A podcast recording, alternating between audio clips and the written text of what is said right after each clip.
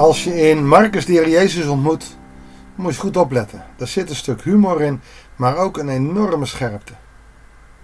Jezus kan de fariseeërs daar volledig afmaken en hij doet het heel netjes. Altijd met woorden. Nooit gewelddadig. Maar soms toch wel verschrikkelijk duidelijk. Goeiedag en hartelijk welkom bij een nieuwe uitzending van het Bijbels Dagboek. Marcus. Marcus hoofdstuk 7. En ik zal even spieken. Volgens mij, ja, daar zitten we deze week. En volgende week ook nog een stukje in. Dus uh, we zijn even weer uit Efeziërs. Die gaan we deze maand niet meer terugzien. Marcus 7. Vanaf vers 1 tot en met 23. Ook de fariseeën en enkele schriftgeleerden die uit Jeruzalem waren gekomen, hielden zich in zijn nabijheid op. Je weet, hij is uit die boot gekomen en hij heeft die 5000 gespijzigd. En, en toen ze zagen dat sommige leerlingen brood aten met onreine handen, dat wil zeggen met ongewassen handen, en dan komt er twee versen die uitleg geven. De fariseeën en alle andere joden eten namelijk pas als hun handen gewassen hebben. Omdat ze zich aan de traditie van de voorouders houden. En als ze van de markt komen eten ze pas als ze zich helemaal gewassen hebben. En er zijn nog allerlei andere tradities waaraan ze zich houden. Zoals het schoonspoelen van bekers en kruiken en ketels. En toen de fariseeën en de schriftleerden hem... Waarom houden uw leerlingen zich niet aan de tradities van onze voorouders en eten ze hun brood met onreine handen? Het gaat dus om de wetten van Mozes. Kijk, ik denk niet dat Jezus tegen het gebruik is van handen wassen. Dat leren we onze kinderen nog en, en we willen het zelf ook. We wassen onze handen voordat we aan de maaltijd gaan. Want we hebben er allerlei dingen mee vastgepakt. Geld. Nou, je weet niet half wat er allemaal mee gebeurd is. Uh, op de grond gezeten. Dus het is netjes om je handen schoon te maken. Vroeger aten ze met hun handen. Wij eten dan ook nog met mes en vork. Dus dubbele hygiëne. Maar die fariseeën, joh, dat waren vissermannen. Die pakten een stuk brood en die stopten dat in de mond. De fariseeën denken dat ze nu Jezus kunnen pakken. Kinderachtig, maar ze kunnen geen grotere dingen vinden. Uh, uw discipelen eten met vieze handen. En dan is altijd weer afwachten hoe Jezus daarop antwoordt. Maar Jezus antwoordde: Wat is de profetie van Jezaja toch toepasselijk op huigelaars als u? BAM! Right in their faces. Zo middenin. Jullie zijn een stelletje huigelaars. Wat is de profetie van Jesaja toch toepasselijk op jullie, onbenullig volk? En dan citeert hij meteen ook de tekst van Jesaja. Dit volk eert mij met de lippen, maar hun hart is ver van mij. Te vergeefs vereren ze mij, want ze onderwijzen hun eigen leer, voorschriften van mensen.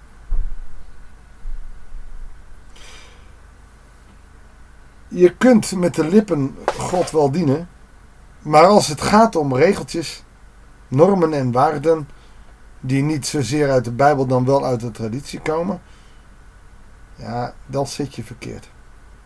En bij Jezus helemaal. Eigenlijk zegt hij, ach mens, als stop je een heel varken in je mik.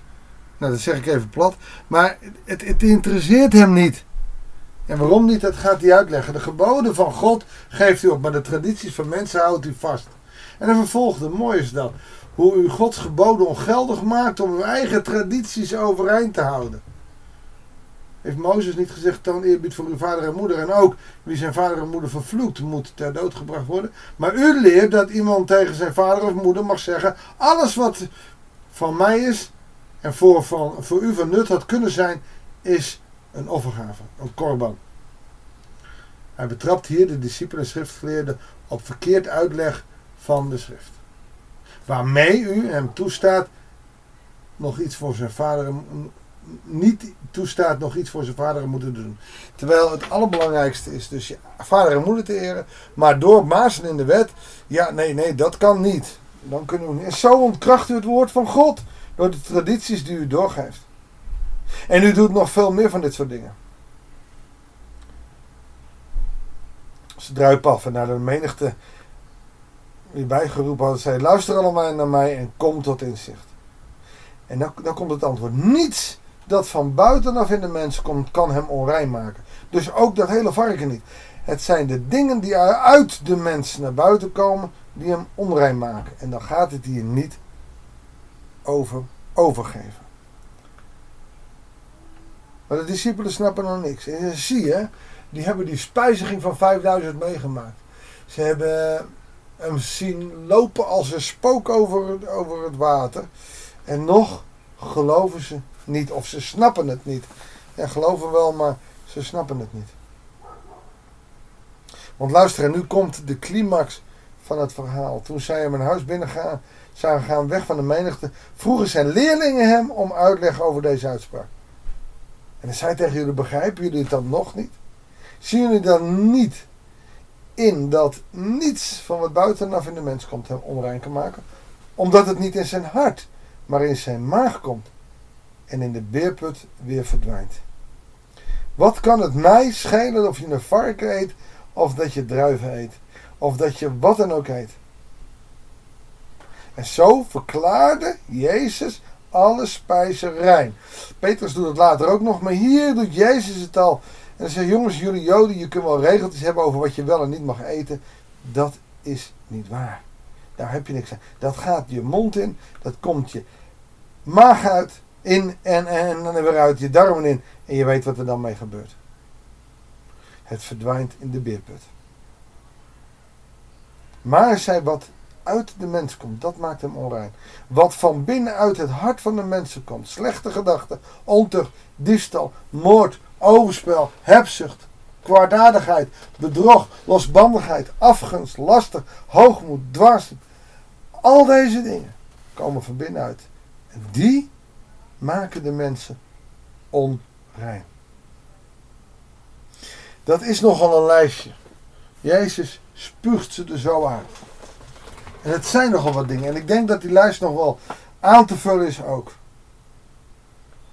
Ontucht, diefstal, moord, overspel. Weet je, het zijn dingen die in deze tijd ook nog steeds gebeuren. Waarom denk je dat heel veel relaties kapot gaat? Omdat een van twee vreemd gaat. En Jezus, die, die rekent ermee af. Het is zondag. Je zult in de Gehenna komen. Als je je hart niet omkeert. Overspel, hebzucht, kwaadaardigheid, bedrog, losbandigheid afgunst, laster, hoogmoed. En we lazen uit uh, ook uh, allerlei verkeerde dingen die uit je mond kunnen komen. Ze, ze horen hier allemaal bij. Dat komt allemaal uit je hart. Daarom waarschuwt Paulus, je mag wel boos worden, maar je mag niet boos blijven, want dan komen de verkeerde dingen uit je hart. En dat is precies wat Jezus hier ook zegt. Maak van je hart geen beerput. Daar heb je wc's voor.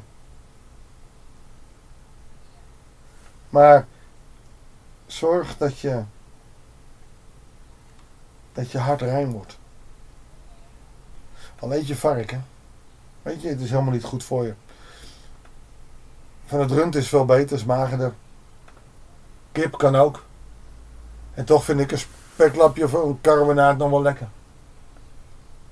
Het is dus niet verboden omdat je daardoor niet bij God kan komen. Verkeerd eten, dat raakt je helemaal niet. Want dan komt je maag in en dan gaat je, je, je billen weer uit. Daar gaat het niet om. Het gaat erom of je hart besneden is. Of je, of je werkelijk waar Jezus in je hart wil aannemen. En of hij in je hart zit. Daar gaat het om. En de fariseeën die leerden op, op regeltjes en dat soort dingen. En dan weet ik wel. Ook op de traditionele kerk wordt nog wel eens gekat. Dat hij te veel aan regeltjes houdt. Regeltjes moeten natuurlijk wel. Maar je mag er geen dogma's van maken. Je mag er geen wetten van maken. En iedere kerk gaat daar fout in. Ik zie ook evangeliegemeentes die daar fout in gaan. Dus wijs niet te hard met je vinger naar anderen. Want ook jij maakt misschien wel dogma's van de verkeerde dingen. Gewoon Jezus in je hart aannemen. En leven in liefde ten opzichte van de ander. Laten we bidden, Heere God, dank u wel dat u in ons hart zit. En we willen vragen of u door de kracht van uw geest ons hart wil reinigen. Verlicht het niet met een klein lampje, maar met uw felle lamp. En brand alles door uw heilig licht wat verkeerd is uit ons hart. Zodat we rein blijven ook in ons reageren. Geen overspel plegen, niet vloeken, geen lelijke woorden, geen funzige woorden. Heer, maar dat we rein van hart blijven, rein in ons leven. Dat bidden we u. In Jezus' naam. Amen. Dankjewel voor het luisteren. Mooie woorden uit het Evangelie. Leef er ook na. En ontvang de zegen van de Heer. Graag tot ziens bij de volgende uitzending van het Bijbels Dagboek.